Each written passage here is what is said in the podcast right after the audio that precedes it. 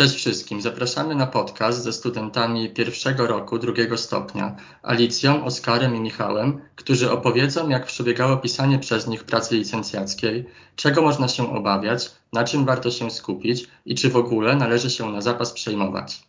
Alicja i Oskar pracę licencjacką pisali na Uniwersytecie Jagiellońskim na zarządzaniu informacją. Michał natomiast pisał ją na Uniwersytecie Gdańskim na kierunku Międzynarodowe Stosunki Gospodarcze. Troje różnych rozmówców, trzy różne style. Zacznijmy od najprostszego z pytań, a więc ile w ogóle zajęło Wam pisanie pracy licencjackiej? Na dobrą sprawę pisanie pracy licencjackiej rozpoczęło się w grudniu, rok przed obroną.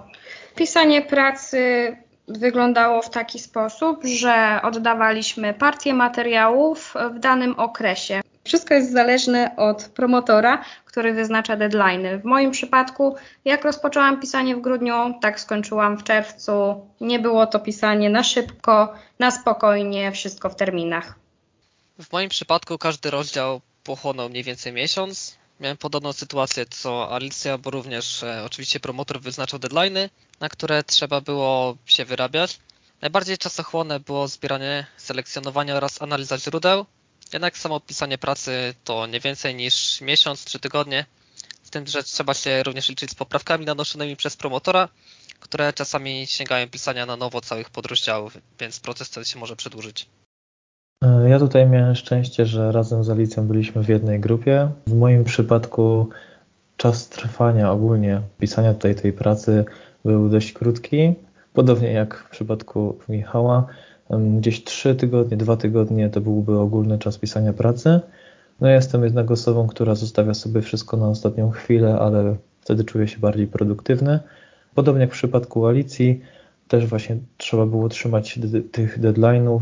Mi akurat udało się osobiście skończyć pisanie pracy przed samą majówką i tylko czekałem na zaakceptowanie dalszych po prostu etapów pracy przez promotorkę.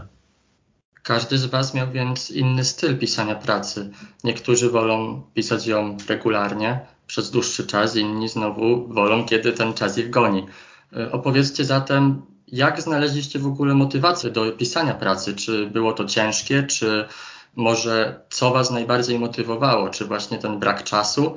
Opowiedzcie troszkę o tym. W moim przypadku, tak jak też już wspomniałem, był to czas, w ramach tego, że właśnie gdzieś ta produktywność jest większa, kiedy tego czasu zaczyna brakować. Motywacja również się zwiększa, więc y, znalezienie troszeczkę y, wolnej chwili skutkowało tym, że gdzieś tam pojawiało się zdanie za zdaniem, strona za stroną. Budowało to rozdziały. Jeżeli chodzi o takie wolne znalezienie czasu, żeby faktycznie siąść do tej pracy, skupić się w pełni, jest to dobre, mimo wszystko polecam, bo tak jak właśnie Michał wspomniał na początku, znalezienie samych dokumentów, ewentualnych wycinków z gazet, czy tam, wiecie, e, artykułów, na których chcemy się oprzeć, no to to jest najbardziej czasochłonne. Trzeba to też przeczytać, przeanalizować, sprawdzić, czy to się nadaje w ogóle dla nas. Polecam też właśnie, jeżeli jak już zasiądziemy do tego wszystkiego, po przeanalizowaniu sięgnąć jeszcze głębiej, czyli jeżeli chodzi o artykuły, poszukać, gdzie ten artykuł się znalazł, może to jest jakaś większa książka, może gdzieś znajdziemy więcej informacji na ten temat, no bo sam tytuł i artykuł, który już daliśmy radę wyszukać, po prostu no, jeden to za mało, także warto się też zagłębić w temat. U mnie, tak jak w przypadku Oscara, motorem napędowym był czas. Terminy wyznaczone przez promotorkę były moją osobiście główną motywacją pisania pracy. Wolałam się tak naprawdę zmieścić w każdym terminie. Wiadomo, były obsuwy czasowe, tak zwane. Jednakże wszystko dało się zrobić tak, aby i tak na sam koniec, kiedy jesteśmy już przed samą obroną, przed samym oddaniem pracy do APD, wyrobić się ze wszystkim. No, mi również zdarzały się różne zastoje, problemy z motywacją.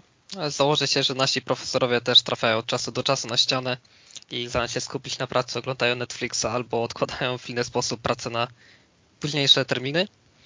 Najważniejsze to mieć moim zdaniem zimną głowę, nie zostawiać wszystkiego na ostatnią chwilę, bo wtedy człowiek może sobie pozwolić na przerwy i nie musi ciągle obsować z tym samym blokiem tekstu non-stop. Pamiętam jednak, że jak robiłem kilkudniową czy kilkutygodniową przerwę, to mój mózg robił wszystko, byle tylko nie wracać do licencjatu i na każde zdanie dopisane w pracy odpowiadały jakieś dwa filmy na YouTube. Więc żeby nie dać się oprzeć pokusom, stawiałem sobie cel do wykonania i nagrodę za niego. Na przykład jeśli chciałem obejrzeć jakiś serial, to najpierw musiałem napisać akapit tekstu, żeby móc obejrzeć jakiś odcinek. Albo dopiero po przeanalizowaniu 10 źródeł zasłużyłem sobie na zjedzenie czekolady. Chociaż nie poleciłbym tej metody wtedy osobom na diecie, no ale wiecie o co chodzi. Myślę, że to bardzo dobry sposób. A powiedzcie nam, co robiliście, gdy właśnie trafiał Wam się taki zastój, czasami krótszy, czasami dłuższy. Nie ukrywam, że ja jestem osobą, która w tym roku będzie pisać pracę licencjacką. Właściwie rozpoczynam dopiero proseminaria, seminaria, a dopiero dowiaduję się, jak to ma wyglądać. Więc także mam swoje różne rozterki, pytania. Opowiedzcie może, jak najlepiej zmotywować się w trakcie takiego zastoju? Czy mieliście na to jakieś sposoby, sprawdzone sposoby?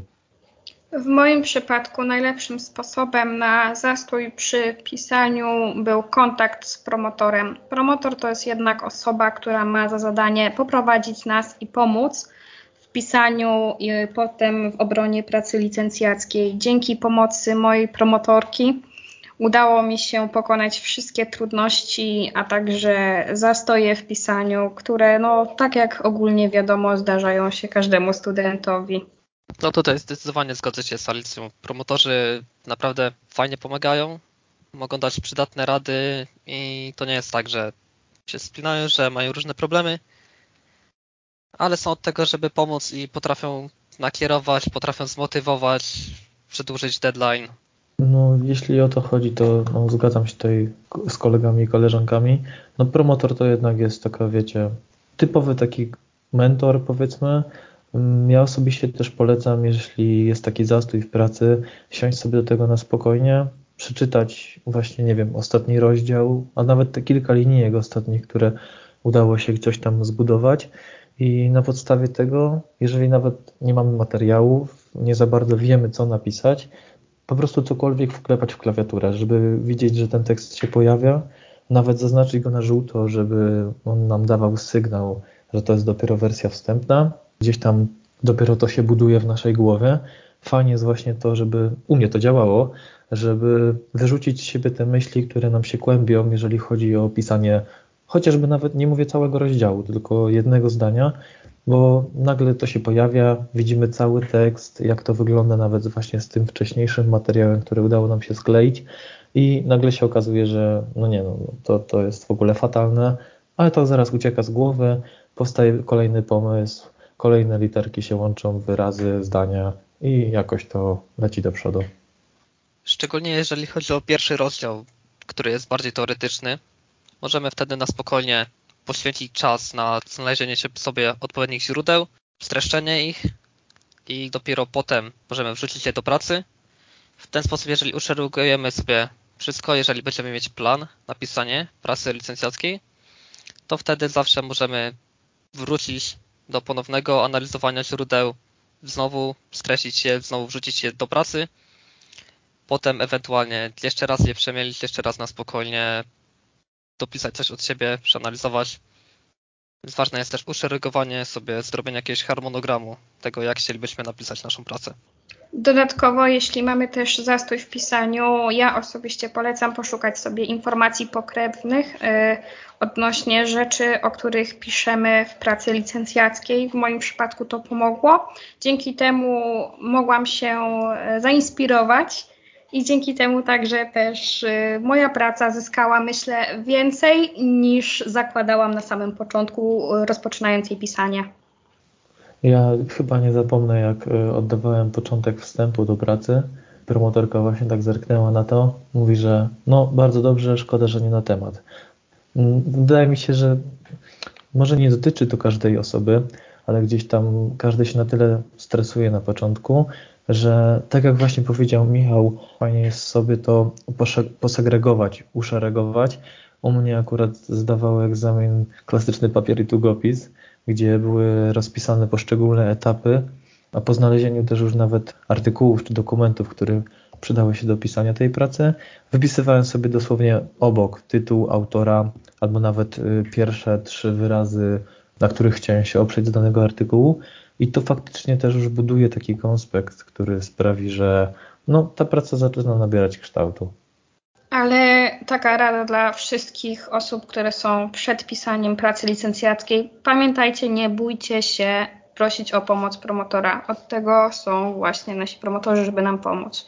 Wspominaliście już kilkukrotnie odnośnie poszukiwania źródeł do swojej pracy. Może powiecie nam, co jest tak naprawdę najtrudniejszą częścią tej pracy do napisania?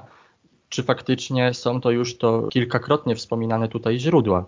E, powiedzcie, skąd czerpaliście te źródła i odpowiedzcie nam, która z tych części pracy była naj, dla Was najtrudniejsza.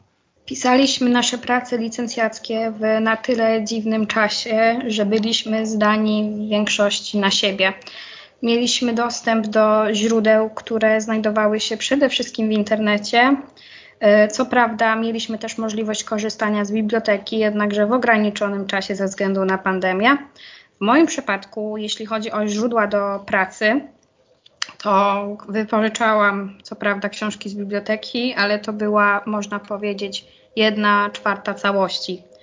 Moje źródła w większości pochodziły z Google Scholar, z ResearchGate'a i ogólnie z różnych baz dziedzinowych, które znajdowały się w internecie.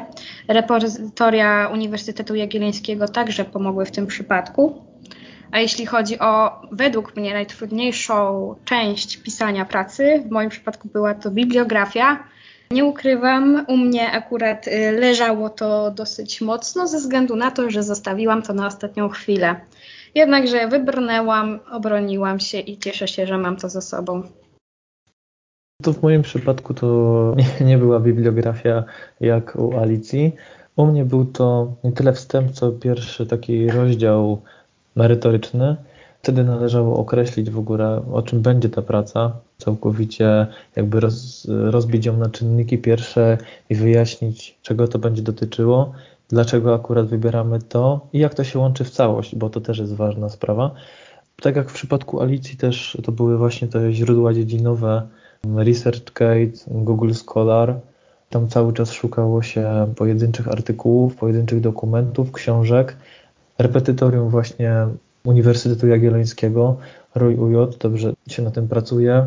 Warto sobie skorzystać właśnie z wyboru filtrów, gdzie tam no, jest to całkowicie przeszukane. Wszystkie dokumenty, które są tam wrzucone, może nie wszystkie, większość jest ogólnodostępna. Można sobie tam zerknąć, zobaczyć w ogóle, czym się bazowało nawet przy pisaniu w ogóle całkowicie innego artykułu, innego dokumentu.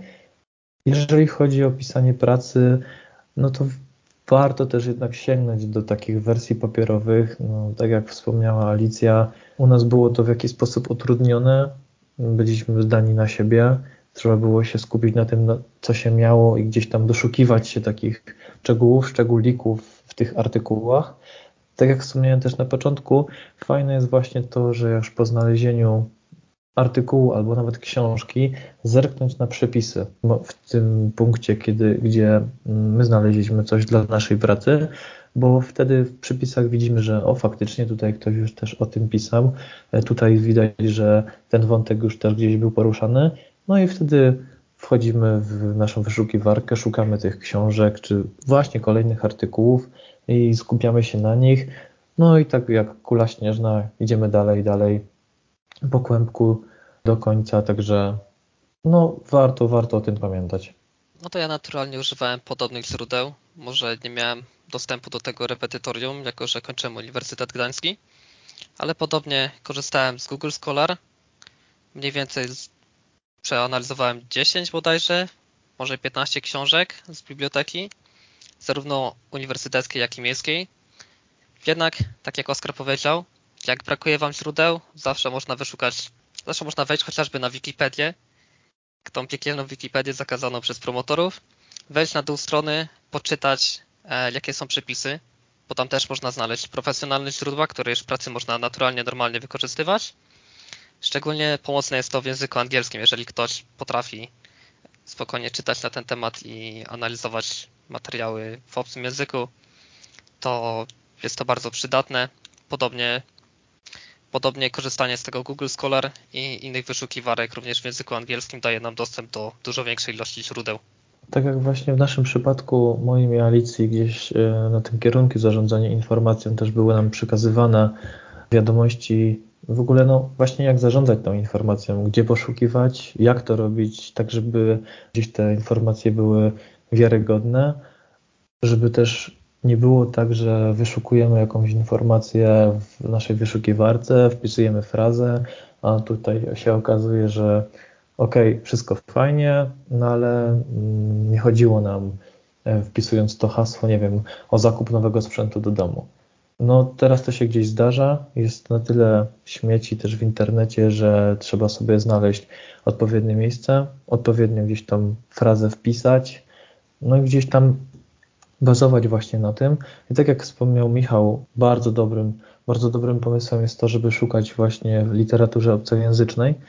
Nawet jeżeli ktoś tam nie posługuje się nim jakoś specjalnie dobrze, jest bardzo dużo tłumaczów, gdzie tam można sobie tekst wkleić, zobaczyć, czy w ogóle na ten temat można pisać, czy ta książka, która była podana w przypisie, jest dla nas przeznaczona, bardziej dla naszego, do naszego tematu. No i powoli, powoli gdzieś tam się te zdania buduje i chyba tyle. Kierunek zarządzania informacją ogólnie przygotowuje nas do tego, jak szukać informacji. Także myślę, że tutaj kwestia szukania źródeł do pracy licencjackiej, jeżeli ktoś y, ma materiały z trzech lat, jest tylko tak naprawdę kwestią czasu. Myślę, że nie jest to trudne i tak naprawdę każdy sobie z tym poradzi. Strach ma wielkie oczy, ale czy faktycznie? Alicja wspomniała już, że nie można bać się pisania pracy, bo nie jest to nic strasznego. Z perspektywy osoby rozpoczynającej pisanie pracy licencjackiej mam jednak z tyłu głowy ciągle pewne obawy. Powiedzcie, czy wy także baliście się, że coś nie pójdzie po waszej myśli, czy baliście się, czy wy robicie się z terminami, czy potraficie w ogóle dobrze pisać? Jak udało wam się pozbyć tych wszystkich obaw związanych z pisaniem pracy, bo jednak zakładam, że każdy z nas w mniejszym lub większym stopniu e, ten jakiś e, przysłowiowy stresik związany z pisaniem pracy miał w waszym przypadku lub ma, tak jak w moim. Podzielcie się jakimiś radami. Ja bałem się bardzo. Nie ukrywam, ja bałem się bardzo. Właśnie tak jak wspomniałem na początku, no u mnie czas odgrywa dużą rolę. Jestem już nazywany nawet przez znajomych człowiek deadline. Wszystko na ostatnią chwilę, także obawiałem się, że tego czasu po prostu braknie no trzeba też nastawić się na to, e, tutaj warto sobie to gdzieś zakodować na początku pisania pracy. Warto oddać coś wcześniej, chwilkę, nawet dosłownie 2-3 dni przed terminem, bo wtedy promotor zajrzy faktycznie do tego, gdzieś tam na spokojnie odeśle nam feedback, co jest źle, bo to też nie będzie tak, że siądziemy do pisania pracy i wszystko będzie idealnie. Nie, nie, nie. Właśnie nastawmy się na to, że napiszmy to, wyślijmy i to będzie taki odpowiedź zwrotna, że ej kurczę, tutaj nie wiem, jest źle postawiony chociażby przecinek, tutaj jest literówka, tutaj jest argument, który pisałeś, pisałaś, jest nie do końca na temat no w momencie pisania pracy my tego możemy nie zauważyć, bo to jest na tyle informacji naraz, tyle wiadomości. Tutaj wiecie, jedna, druga książka, artykuł, kolejny dokument się tutaj otworzył. My tutaj staramy się pisać trochę swoimi słowami, no ale mimo wszystko trzymając się, trzymając się wiadomości, które udało nam się znaleźć. No i w pewnym momencie troszeczkę, no wydaje mi się, że zatracamy się w tym, co piszemy. I nawet jeżeli przeczytamy sobie na spokojnie ten rozdział, czy, czy właśnie kawałek z tego rozdziału, no to dla nas to jest, o okej, okay, super, taki był pomysł, ja się tego utrzymałem, ekstra poszło, piszemy dalej. No a tutaj jednak właśnie ten feedback jest taki zdrowy, bo to jest jednak patrzenie z, z trzeciej osoby na to, co się robi. Warto uczulić się właśnie na to, że będą zwracane uwagi. To nie ma być negowanie e, danej osoby, tylko to ma być konstruktywna uwaga, Serio, zero stresu, pełen luz. Trzeba siąść, napisać, poprawić, bo to będzie na pewno i wysłać. Chciałem dodać e, to, że u mnie było zupełnie inaczej. Jako, że ja wybrałem sobie temat, w którym jestem od dawna i który mnie w pewien sposób interesował, fascynował, to połowa strachu od razu poszła się schować. przede wszystkim zaczęło się od tego, że czułem pełen luz na samym początku, jak zbliżałem się do pracy licencjackiej, bo byłem w miarę przygotowany, miałem jedną, dwie książki przeczytane na temat, o który moja praca się ocierała, ale potem przyszła sytuacja, że troszkę za późno wziąłem się za faktycznie samo pisanie, za sam rozdział teoretyczny i wtedy już byłem bardziej zestresowany. Wtedy już problemy zaczęły się nasilać i byłem pewien, że się po prostu nie wyrobię z czasem. Właśnie te deadlines są najbardziej stresujące i przy nich stres, strach się zawsze nasila. Sytuacja jest taka, że ja szczerze powiedziawszy na jakieś 7-8 terminów dotrzymałem tylko jeden, więc nie ma co się bać, byle się nie obijać i ciągle coś tworzyć. Licencjat nie musi i nigdy nie będzie idealny, a przecież zawsze w razie problemu można się skontaktować z promotorem, od tego on jest i zawsze doradzi, co można zmienić, w jaki sposób można podejść od innej strony. A, jeszcze chciałem dodać, że nigdy praktycznie nie czytałem mojej pracy oprócz ostatecznego momentu, więc nie wiem w jaki sposób Oskar byłeś w stanie spojrzeć na to inaczej niż na ciągle powtarzające się te same zdania, ale nie wiem, dla mnie to ciągle był ten sam tekst, nie byłem w stanie przebrnąć przez niego. Więc fajnie jest też zapytać inną osobę, jakiegoś swojego znajomego albo chociażby promotora, czy to wygląda sensownie, czy to, czy to jest, no czy to ma sens po prostu. Moim zdaniem strach pojawia się tak naprawdę u każdego studenta. Jedni ten strach mają na samym początku, drudzy na samym końcu, tak jak wspomnieli moi przedmówcy. E, kwestia dobrego rozplanowania sobie swojej pracy jest tutaj dosyć istotna. Jak wiadomo, bywa różnie. Niektórzy trzymają się terminów, niektórzy niekoniecznie, ale nie jest to wyznacznikiem pisania dobrej pracy. Warto też pamiętać, że tak jak wcześniej też wspomnieliśmy, wspomnieliśmy wszyscy, warto zwracać się do promotora, ale też przy tym wszystkim warto pamiętać, że promotor też jest człowiekiem, trzeba się uzbroić w cierpliwość i poczekać na odpowiedzi, a będą one rzetelne, konkretne i będzie można sobie poprawić pracę tak, aby była ona lepsza. To ja jeszcze, jeśli mogę, to dodam, że mm, troszeczkę w nawiązaniu do, tej, e, do tego zastoju w pisaniu pracy i w przypadku stresu u mnie też takim motywatorem była muzyka. Każdy ma gdzieś tam jakieś tam bodźce, które go motywują. Dla mnie pełne skupienie było też wtedy, kiedy gdzieś tam były słuchawki w uszach, muzyka, która mnie właśnie motywuje. E, to pisanie pracy też wtedy wydawało mi się takie płynniejsze, no, wydaje mi się, że w falach dźwiękowych gdzieś tam odnalazłem swoje fale w pisaniu pracy, także no, udało się. To ja jeszcze raz powiem. Najważniejsza rzecz.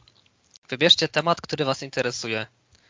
Zawsze wokół tematyki, którą mamy na studiach, na pierwszym stopniu, można znaleźć coś, można obrócić się wokół rzeczy, która Was interesuje, wokół tematu, który jest Wam bliski, który jest już Wam w jakiś sposób znany bo będziecie z nim obcowali przez pół roku, będziecie robili badania na temat tego konkretnego tematu, więc naprawdę postarajcie się wymyśleć coś konkretnego. Nawet potem można zmienić ten temat jeszcze, jeszcze zanim zaczęliście pisać pierwszy, pierwszy rozdział. I druga najważniejsza rzecz, nie czekajcie na ostatni tydzień przed deadline'em, zacznijcie od razu, wtedy ten stres spokojnie można zminimalizować.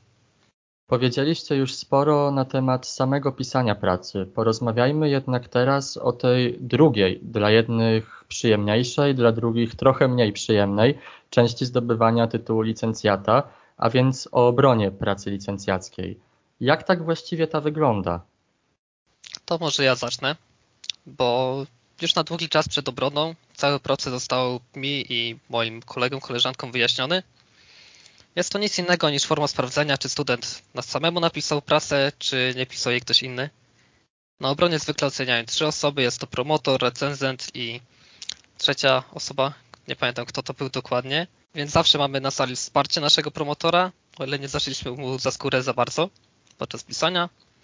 E, nie wiem jednak dokładnie jak wyglądała obrona na Uniwersytecie Jagiellońskim, ale my dostaliśmy trzy pytania, z czego pierwsze dosłownie polegało na opisaniu pracy licencjackiej, nie wyciągniętych z niej wniosków, do czego można się było już przygotować wcześniej na spokojnie i ułożyć sobie to, co chcemy powiedzieć. Natomiast pozostałe dwa pytania już były trudniejsze, ponieważ nie mogliśmy się ich spodziewać i przygotować dokładnie pod nie. Drugie, drugie pytanie nawiązywało do specjalizacji, a trzecie mogło być dowolnym zagadnieniem z całego kierunku. U innych promotorów których miałem na swojej uczelni, pytania były znane już na tydzień przed, mniej więcej, nie dokładnie, ale mniej więcej podane. Jednak ja tyle szczęścia nie miałem, ale ostatecznie udało się uzyskać tą piątkę, więc jakoś to wyszło. Ja jestem raczej osobą, która w miarę dobrze radzi sobie ze stresem, ale przed samą obroną totalny paraliż. Totalny paraliż, no tak jak właśnie razem z Alicją byliśmy w tej samej grupie, u tej samej promotorki. Tak jak wspomniał Michał, u nas na Uniwersytecie Jagiellońskim było bardzo podobnie. Też przygotowywaliśmy się, było gdzieś tam powiedzmy przećwiczone, było nam wyjaśnione, jak to w miarę będzie wyglądać, żeby się nie stresować krok po kroku. E, trzy osoby właśnie nas oceniały. W naszym przypadku była to też obrona zdalna, więc no, też troszeczkę inna forma wypowiedzi. Przewodnicząca, która właśnie prowadziła to spotkanie, też daje takiego. W, w, w moim przypadku było też to takie rozluźnienie, gdzieś tam początek lekkie zagadanie powiedzmy, czy wszystko w porządku, dobrze mnie słychać, co też jest dobre, bo wiadomo jak to w przypadku internetu czasami coś potrafi rozłączyć. Jeżeli chodzi o pytania, moją taką dobrą radą jest to, żeby jeżeli będziemy wiedzieć już, kto będzie recenzował naszą pracę, jest sobie sprawdzenie tej osoby pod względem w kwestii zainteresowań.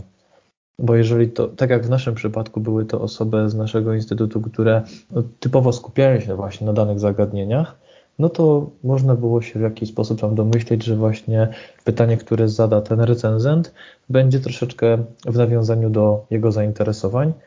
No wiadomo, jest tego na pewno sporo i dużo. E, gdzieś ten materiał jest z trzech lat, skupiony w jednym dniu. Trzeba się też skupić. Polecam właśnie, żeby się przygotować chwilkę wcześniej właśnie z tego, co nas interesowało, co właśnie interesuje naszego recenzenta i nawet promotora.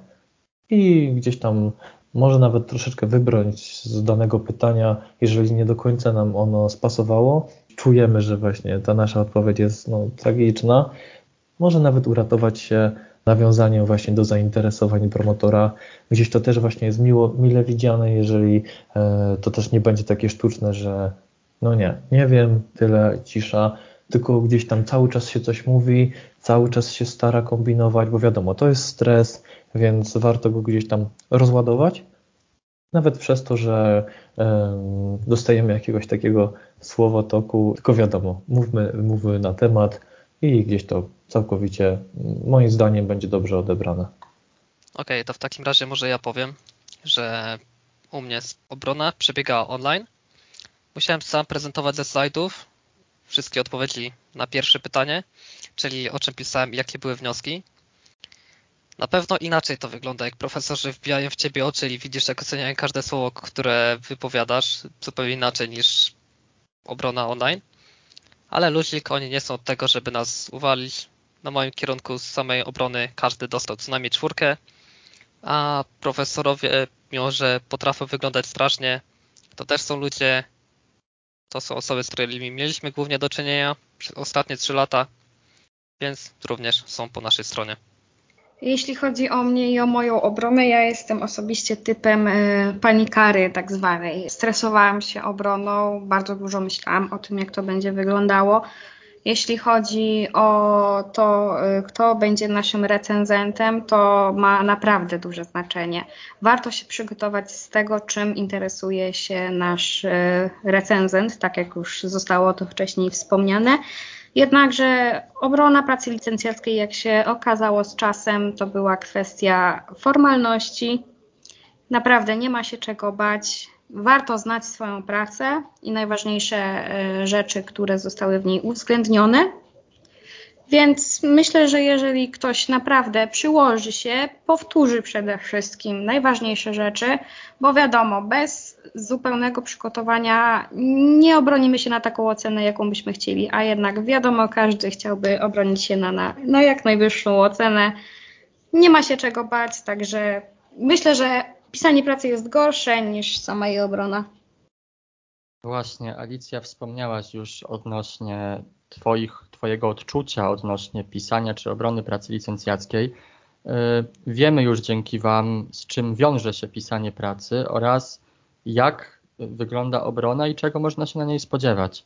Ale powiedzcie jeszcze z Waszego doświadczenia, Co było dla Was tak naprawdę trudniejsze? Czy samo napisanie, czy jej obrona?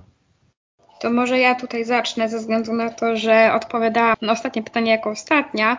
Tak jak wcześniej wspomniałam, w moim przypadku gorsze było pisanie. Jak wszyscy dobrze wiemy, pisanie zajmuje dużo więcej czasu niż przygotowanie się na obronę.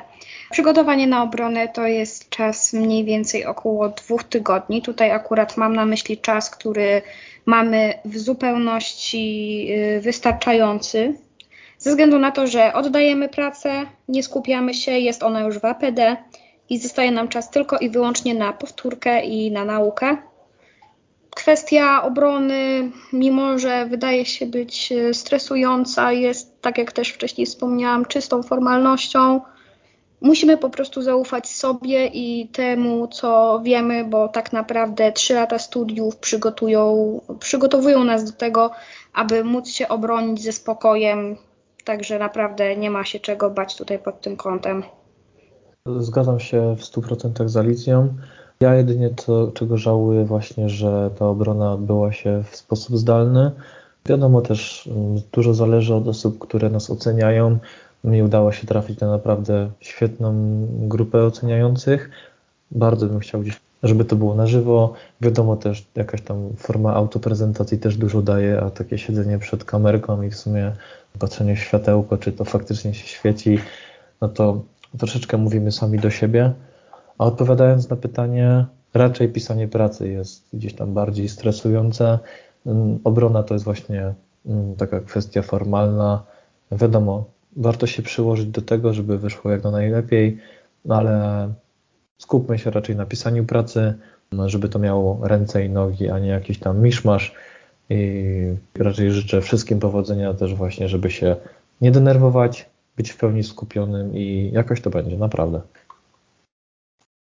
Dla mnie również zdecydowanie pisanie było najtrudniejsze. Jeżeli sam pisałeś swoją pracę, to zdasz obronę na luzie, to jest dosłownie formalność. Za to w pisaniu najtrudniejsze moim zdaniem było zebranie motywacji i przebrnięcie przez tonę źródeł, bo no jednak wszystko o czym piszemy musi być poparte jakimiś źródłami, jakimiś dokumentami.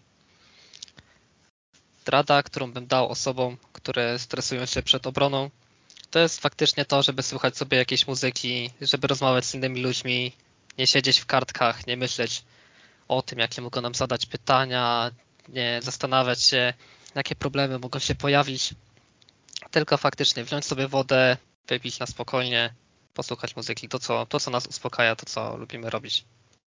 Super, dziękuję Wam naprawdę za świetną rozmowę. Ja jako osoba rozpoczynająca pisanie pracy licencjackiej czuję się teraz trochę pewniej.